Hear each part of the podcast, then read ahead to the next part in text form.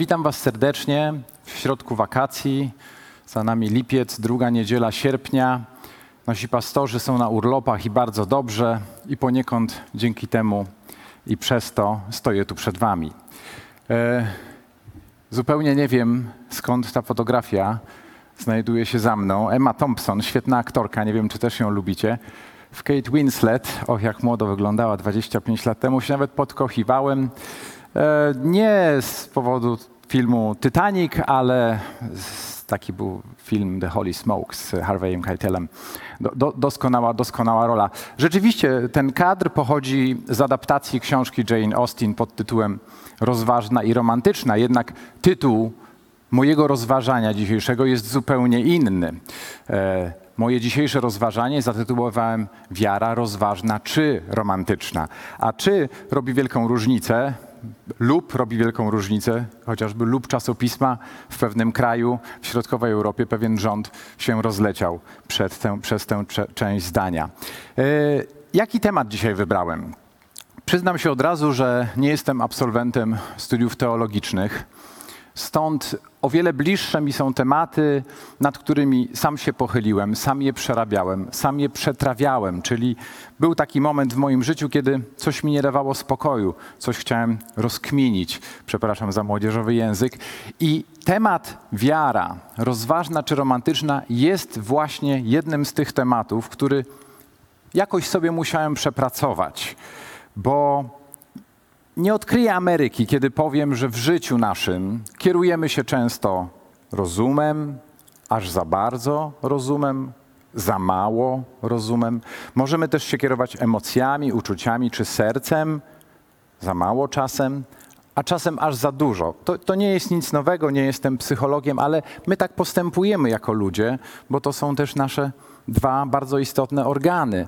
Natomiast wierzę, że to, jak operujemy tymi dwoma, ma przełożenie na zarówno nasze życie w domu, na nasze relacje z bliskimi, na nasze relacje w pracy, ale też, moim zdaniem, co będę chciał dzisiaj troszeczkę udowodnić, na nasze relacje z Panem Bogiem. Stąd właśnie pytanie, czy nasza wiara ma być rozsądna, czy romantyczna, ma być kierowana rozumem, mamy się w niej kierować, czy, czy bardziej sercem.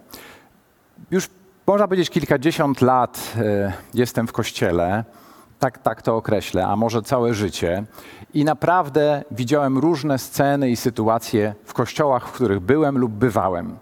Wychowałem się w kościele katolickim, byłem ministrantem i ta cała liturgia, ten pewien chłód, ale mówię nawet pozytywnie, robił na mnie i do dzisiaj robi duże wrażenie. Te wielkie, majestatyczne kościoły. I znam osoby nawrócone, które który, które wciąż tam w kościele katolickim są i w którym wciąż się to bardzo podoba.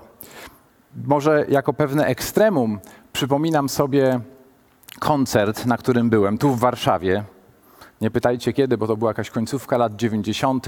W szkole zawodowej gdzieś tu na Pradze e, był koncert ewangelizacyjny i to mnie tam zwiodło zespołu No Longer Music. Jeśli ktoś z Was kojarzy, to jest taki band brytyjsko-holenderski, który pracuje na ulicach Amsterdamu i wtedy miał koncert w Warszawie no, koncert ewangelizacyjny. I to, co zobaczyłem na scenie, czyli muzykę heavy metalową, takie no, wydzieranie się, e, inscenizację ukrzyżowania Jezusa, korona cierniowa, e, imitację krwi, to było zatrważające. Poszedłem tam z kilkoma przyjaciółmi i powiem wam szczerze, oni wyszli.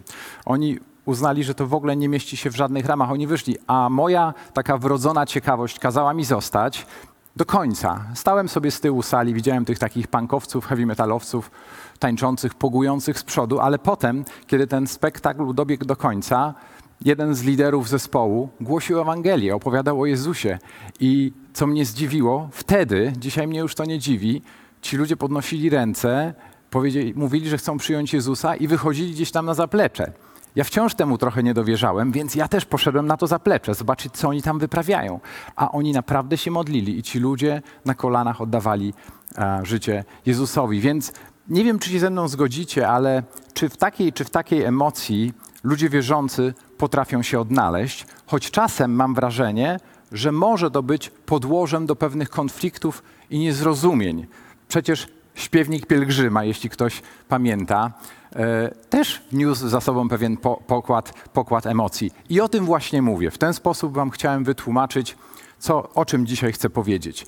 E, lubię, kiedy takie historie, zwłaszcza które sam przetrawiłem, są poparte pewną prawdziwą historią. I no cóż, będę z Wami szczery, w swoim życiu wielokrotnie nie postępowałem zgodnie z rozumem. E, byłem noszony emocjami i wiele takich historii sobie właśnie przypomniałem, ale w myśl zasady cokolwiek powiesz może być użyte przeciwko tobie, nie powiem o nich. Nie powiem o nich.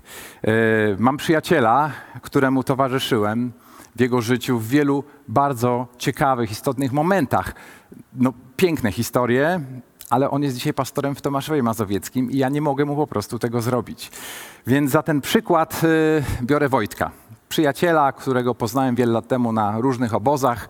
I Wojtek to był osobnik bardzo stonowany, stateczny, typ matematyka, który zawsze mocno stąpał po ziemi.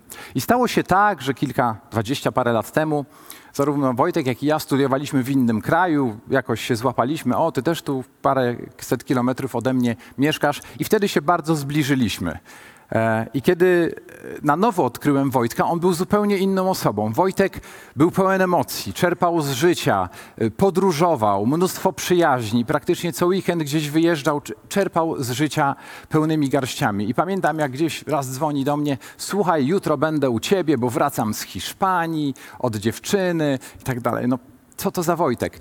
Przyjechał do mnie, zatrzymał się na kilka dni, po prostu przyjechał z plecakiem i zatrzymał się na kilka dni. Jeszcze nie wiedział w ogóle, kiedy wyjedzie. Tak, tak, tak, tak wtedy żył. I opowiedział mi o stadionie piłkarskim w Hiszpanii, na którym był.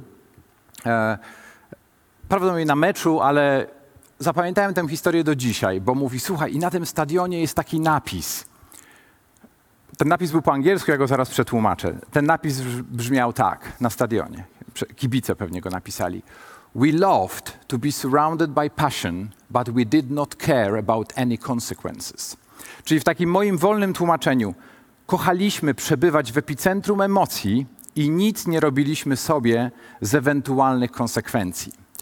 I zapamiętałem to zdanie, chociaż ja nie byłem na tym stadionie, ale Wojtek mi je kilkakrotnie powtórzył. On może o tym dzisiaj nie pamiętać, ale dla mnie ono doskonale obrazowało sytuację, w której ten mój przyjaciel wtedy się znajdował. I nie wiem, czy wy byliście na tym stadionie życia? Czy znaleźliście się w takiej sytuacji, kiedy to epicentrum emocji było dla was tak ważne, a konsekwencje schodziły na dalszy plan? Myślę, że to jest fajny obrazek, który mówi, jak jako ludzie z naszymi pokładami emocji, rozsądku, oby jak najwięcej, możemy się znaleźć w sytuacji. Ale historia Wojtka tu się nie kończy, bo po mniej więcej dwóch latach on był dla mnie takim partnerem w przygodach. E, zawsze byłem ciekaw, gdzie on teraz się uda, do jakiego kraju pojedzie.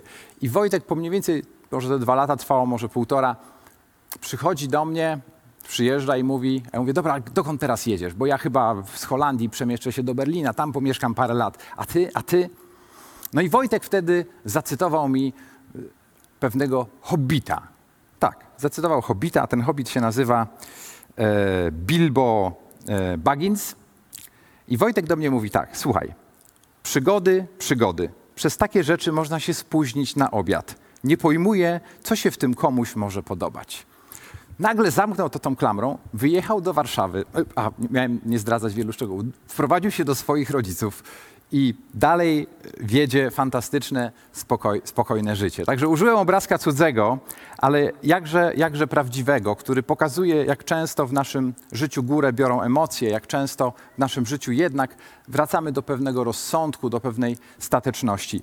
I na tym dzisiaj chcę się skupić. Chciałbym, żebyśmy wspólnie e, przejrzeli kilka wersetów biblijnych. Chciałbym spojrzeć na to, co Pismo Święte mówi o rozumie, o tym, jak mamy z nim postępować, co to w ogóle jest. Chciałbym później popatrzeć na serce, gdzie powiem Wam, że w tym moim badaniu pisma na temat serca parę rzeczy mnie nawet mocno zaskoczyło, żeby w końcu to jakoś sensownie, mam nadzieję, podsumować.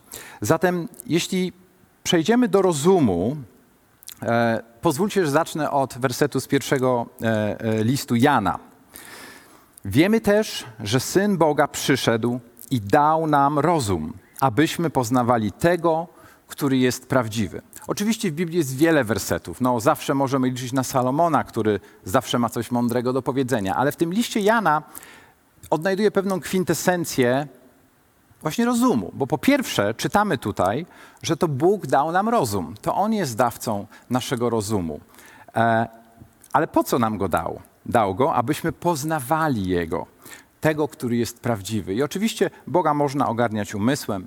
Będziemy mówili za chwilę o emocjach, ale, ale rozum jest nam potrzebny, żeby rozumieć to, co Bóg do nas mówi. Bóg do nas mówi przez swoje słowo, przez inne znaki i możemy to odbierać dzięki rozumowi, które mamy. I kiedy myślę o rozumie, takim synonimem jest dla mnie rozsądek, a gdzieś tam blisko jest nauka. Może nie do końca w tym samym miejscu, ale zawsze mi się wydawało, i pewnie tak w większości jest, że nauka jednak próbuje nam, ta świecka nauka, tłumaczyć, dlaczego i w jaki sposób ludzie i ludzkość są niezależni od Boga. Tak? To jest taka, taka nasza cecha, żeby dążyć do zrozumienia, dążyć do wyjaśnienia i często właśnie nauka jest pewnym substytutem i mówi nam, aha, to tak to działa, no to ja teraz wszystko rozumiem.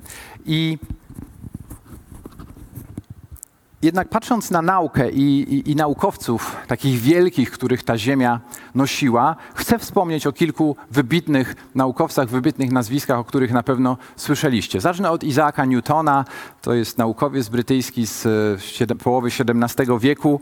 E, przypisuje mu się wiarę w Boga. Oczywiście jest to nam dzisiaj bardzo trudno jednoznacznie stwierdzić. Wybitny naukowiec odkrył wiele za zasad i praw fizyki i w kronikach ludzie, którzy go opisywali, w wielu miejscach jest zaznaczony taki fragment, że ilekroć przy Newtonie ktoś wspominał Boga, wymieniał jego imię, on wstawał, zdejmował kapelusz i mówił takie zdanie. Korzę się głęboko przed tym, który takie mądre prawa nadał wszechświatowi. Podoba mi się to, że mamy wielu naukowców, którzy spędzili wiele czasu w książkach, studiując prawa fizyki, prawa matematyki, filozofię i dochodzą do tych konstatacji. Dla mnie jest to budujące. Ich rozum zaprowadził ich w te miejsca. Ludwik Pasteur, również bardzo znany naukowiec, e, odkrywca, powiedział tak: Mało wiedzy oddala od Boga, dużo wiedzy sprowadza do niego z powrotem. Dla mnie bardzo ciekawe, bardzo głębokie zdanie, bo nie chcę wyjść teraz na megalomana, ale ja też tak mam, bo ja ciągle się uczę. I mówię to zupełnie szczerze i przyjaźnie, dlatego że dobrze jest się ciągle uczyć. I chociaż w szkole nie byłem orłem, to powiem Wam, że mnie osobiście fascynuje odkrywanie świata, odkrywanie anatomii ludzkiej. Kiedy teraz, nie wiem, czy, czy syn ma jakieś tam historie i dowiaduje się, jak organizm ludzki się potrafi regenerować, jak to działa, to ja mówię, wow, Boże, ale to uczyniłeś. Kiedy dowiaduje się o prawach fizyki, jak działa kosmos, jak to się wszystko przyciąga, to naprawdę mnie dla mnie jest to dowodem, że Bóg istnieje. I tutaj mogę się podpisać pod, pod paroma e, naukowcami, którzy, którzy doszli do, do, do, tego samego. Czy ostatnio w moim życiu zawodowym od kilku lat zajmuję się metalurgią. Hmm, takie sobie zjawisko. Ale kiedy do dzisiaj nauka odkrywa coraz to nowe zastosowania dla metali, dla metali, które, z których Pan Bóg stworzył Ziemię. No, ja wierzę, że Pan Bóg stworzył Ziemię, więc my tych metali nie odkryliśmy, znaczy my je odkryliśmy, ale my ich nie wynaleźliśmy. Tak? To jest ta różnica, że myśmy odkryli to, co Pan Bóg dał i znajdujemy dla tego zastosowanie. Dlatego myślę, że, że gro doktorantów, profesorów może podziękować Panu Bogu, że, że tyle rzeczy przed nami zakrył i pozwolił nam, posługując się naszym rozumem, odkrywać to. Wspomnę jeszcze o, o jednym filozofie, o którym już tu kiedyś z tego miejsca wspominałem. Blaise Pascal, e, francuski matematyk i słynny zakład Pascala. Zakład Pascala, czyli załóżmy się, że lub rozważmy, że i ten zakład brzmi Bóg jest albo go nie ma, ale na którą stronę się przechylimy. E, I Blaise Pascal, któremu też się przypisuje, że był chrześcijaninem, po prostu zrobił takie rozważanie. Jeśli Bóg nie istnieje, my w Niego wierzymy, umieramy, no nic się nie stało, można powiedzieć, żadnej konsekwencji. Jeśli my w Niego nie wierzyliśmy, umieramy, też nic się nie stało, bo nie ma żadnych konsekwencji. Ale jeśli Bóg istnieje, no to jeśli my w Niego nie wierzymy, to ponosimy wieczną szkodę. Natomiast jeśli w Niego wierzymy, wieczną korzyść, więc dla niego matematycznie nawet wyszło, że po prostu wiara w Boga jest, jest logiczna. Jest logiczna. I ostatni punkt e, w, w, kwestii, w kwestii rozumu.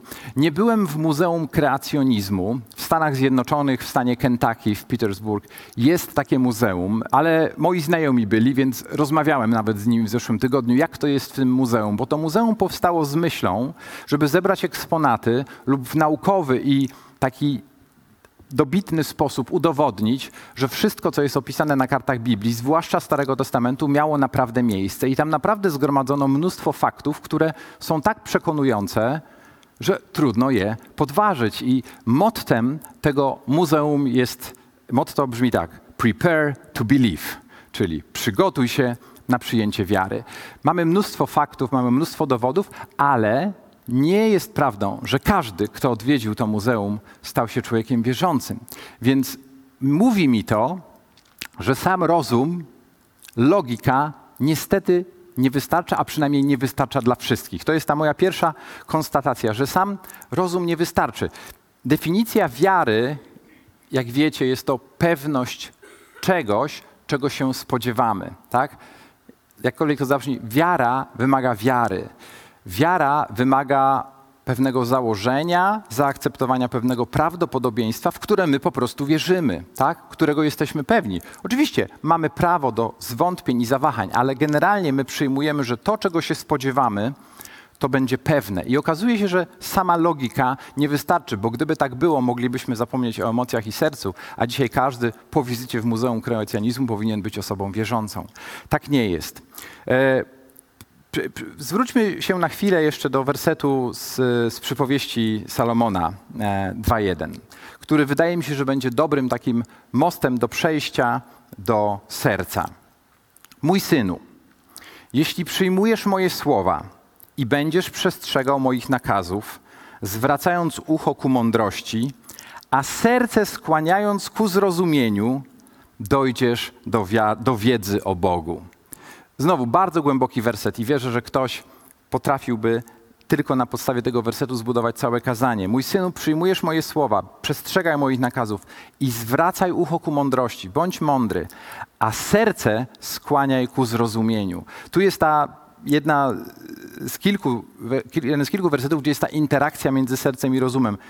Znając Jego przykazania, powinniśmy namawiać nasze serce, żeby zwracało się, skłaniało się ku rozumieniu. To znaczy, że musimy nasze serce do czegoś nakłaniać. I to jest bardzo ciekawe, bo jeśli mówimy o sercu, i teraz przechodzę do drugiego tematu, to nie wiem, jakie macie pierwsze skojarzenia związane z sercem. Pomyślcie przez chwilę. Serce. Mi od razu przychodzi, nie wiem czemu, ale naprawdę też tak zapisałem, serce nie sługa. Serce nie słucha. Jest takie powiedzonko, które, którym czasem próbujemy się tłumaczyć, lub ktoś się tłumaczy, lub kiedy e, rodzice nastolatka namawiają, że to nie jest właściwy wybór, a syn mówi, serce nie sługa. Trochę jakby zwalamy winę na serce, tłumacząc, że wyłączamy ten rozum. I często właśnie tak jest postrzegane serce. E, pieśni z kościoła Stwórz we mnie serce czyste, tak? I tu jest takie moje odkrycie, bo Spodziewałem się trochę, że studiując różne wersety, w których Pismo Święte mówi o sercu człowieka, że znajdę wiele takich bardzo pozytywnych wersetów. No, zakochaj się, no, po prostu zaszalej, tak, bo oddaj Bogu swoje emocje. I po części może tak jest, natomiast jest bardzo wiele wersetów, powiedziałbym większość, która jednak mówi nam, żebyśmy na to serce bardzo, bardzo uważali. Znowu w przypowieści Salomona 4:23 czytamy taką radę tego mędrca. Zresztą bibliści twierdzą, że Salomon był też najmądrzejszym człowiekiem, jakiego nosiła ziemia. Nade wszystko strzeż swego serca, bo w nim jest źródło życia. Znowu bardzo głęboki werset. Po pierwsze, nakaz dostrzeżenia serca nie ma tylu nakazów dostrzeżenia rozumu. Roz, rozum to jest coś, co pozwala nam zrozumieć, zaakceptować, praktykować, wiedzieć, co mamy robić. Ale serce nie sługa. Serce już może trochę chcieć poszaleć. Stąd Salomon mówi: Nade wszystko strzeż swojego serca, bo w nim jest źródło życia. Słowo serce pada w Biblii około tysiąca razy, czasem jako rzeczywiście mięsień i organ, ale w większości odnosi się do wewnętrznego człowieka. Oznacza uczucie i emocje, kiedy Biblia mówi o sercu. W pierwszym liście Piotra zdecydowanie odnosi się do miłości. Myślę, że nie będziemy z tym polemizować. W Jana 16 to serce odnosi się do radości. W Rzymian 9 do boleści i smutku. Do nienawiści nasze serce może być zatroskane, o czym pisze często Izajasz, może być przebite wskutek ucisku, psalmista Dawid, może topnieć ze strachu, bo takie jest nasze serce, ma właśnie takie, takie cechy. Czy Bóg ma serce? Bóg dał nam prawo, żebyśmy wiele rzeczy zrozumieli. Czy Bóg ma serce, emocje? Oczywiście, że ma. I w wielu miejscach możemy czytać, że w Księdze Przysłów. Mój synu, bądź mądry i rozweselaj moje serce. Do tego Bóg nas zachęca. Bądź mądry i rozweselaj moje serce. Cały czas krążymy między Bożym, naszym sercem, naszym umysłem. W innym fragmencie, kiedy Bóg w Księdze Rodzaju zdecydował się na dokonanie potopu, czytamy, że bolał w swoim sercu. Jakże trudna to była decyzja, i on to przeżywał, chociaż wiedział, że musi to zrobić, ale bolał w swoim sercu. Niejako jego serce było przeciwne temu, co robił. Bóg ma emocje. I wersety, które przytaczałem i za chwilę, które przytoczę, zdecydowanie nawołują nas do tego, żebyśmy nasze serce otoczyli specjalną troską i byli bardzo, bardzo ostrożni. W Mateusza 15, 18, 19 czytamy tak. Natomiast słowa wypowiedziane przez usta pochodzą z serca. I one czynią człowieka skalanym. W sercu przecież rodzą się złe myśli, zabójstwa, cudzołóstwo, rozwiązłość, kradzieże, fałszywe zeznania, bluźnierstwa. Tak? Te wszystkie niecne rzeczy mają miejsce, tak? My ich doświadczamy lub sami jesteśmy ich autorami. A przecież wiemy, jak postępować. Znacie przecież e, słowa apostoła Pawła z Rzymian 7:15. Co bowiem robię, nie pojmuję, ponieważ nie dokonuję tego, czego chcę, ale czynię to, czego nienawidzę. Chciałoby się zapytać, to co, to Paweł nie wie, co ma robić? Nie, on wie. Jego rozum, jego roztropność doskonale wie, co ma robić, ale on wciąż, mimo wszystko, tego nie robi. Także mam nadzieję, że jesteście ze mną i, i rozumiecie, że gdzieś w naszym życiu poruszamy się między tymi dwoma miejscami, że, że rozum już wie, ale często nasze serce nie sługa, może nas chcieć prowadzić na manowce. I chociaż miłość i emocje są cudowne i piękne, to Biblia nas wielokrotnie przestrzega, żebyśmy szczególnie na to uważali, na ten wrażliwy organ. Jest to na pewno pewien wynik walki e, no, ducha z ciałem, a emocji z pewną wiedzą i z, i z tym, co wie, i, i z tym, co, co, co pojęliśmy i zrozumieliśmy i przyjęliśmy. W Jeremiasza 17:9 czytamy: Serce jest bardziej podstępne niż wszystko inne. Kto może je poznać? I tu znowu, no, trudno się nie zgodzić z tym zdaniem, kiedy zdarza mi się analizować czyjeś zachowanie, z którym się nie zgadzam, to często mówię, on nie postępuje rozsądnie. On o tym wie, ale on decyduje się działać pod wpływem emocji, czyli oddaje jakby pole, pełne pole emocjom, sympatiom, uprzedzeniom, wszystkim, co się wiąże z emocjami. Tak to po prostu często jest, ale nie zmienimy tego, ponieważ jeśli Bóg dał nam rozum, tak jak czytałem w pierwszym wersecie, to Bóg dał nam też serce i na pewno chce, żebyśmy żyli z tymi dwoma organami. Amputacja jest niewykonalna. Wiemy, że są to prawdopodobnie naj, najważniejsze organy e, w życiu człowieka, chociaż mój brat pewnie by się spierał, że jednak jest to wątroba. Ale ewidentnie e, mózg nasz i serce są bardzo ważne i musimy z nimi nauczyć się żyć. I pozwólcie, że już powoli koń, kończąc, pozwolę sobie na podsumowanie tego rozważania. Celowo nie używam słowa kazania. Chciałem, żebyście ze mną porozważali ten temat dwoma wersetami. Trochę różnymi, ale jednak, jednak uważam, że, że będą dobrym podsumowaniem tego, o czym teraz mówiłem.